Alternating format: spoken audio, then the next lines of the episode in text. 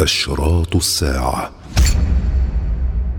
تدل الآيات القرآنية الكريمة والأحاديث الصحيحة على قرب الساعة ودنوها. فإن ظهور أكثر اشراط الساعة دليل على قربها وعلى أننا في آخر أيام الدنيا. كثرة الشح. عن أبي هريرة رضي الله عنه قال من أشراط الساعة أن يظهر الشح.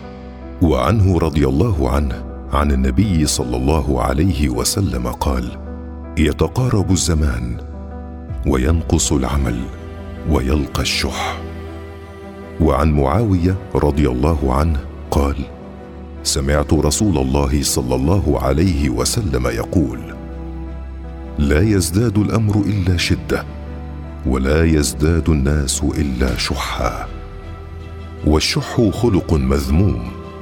نهى عنه الإسلام وبين أن من وقي شح نفسه فقد فاز وأفلح كما قال تعالى ومن يوق شح نفسه فأولئك هم المفلحون.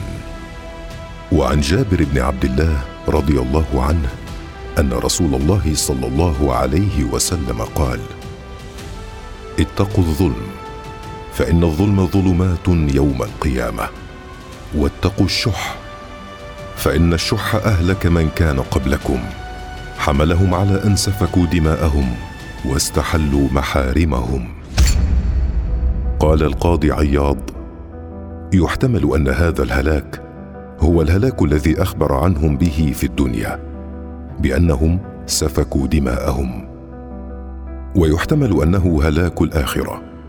وهذا الثاني أظهر ويحتمل أنه أهلكهم في الدنيا والآخرة.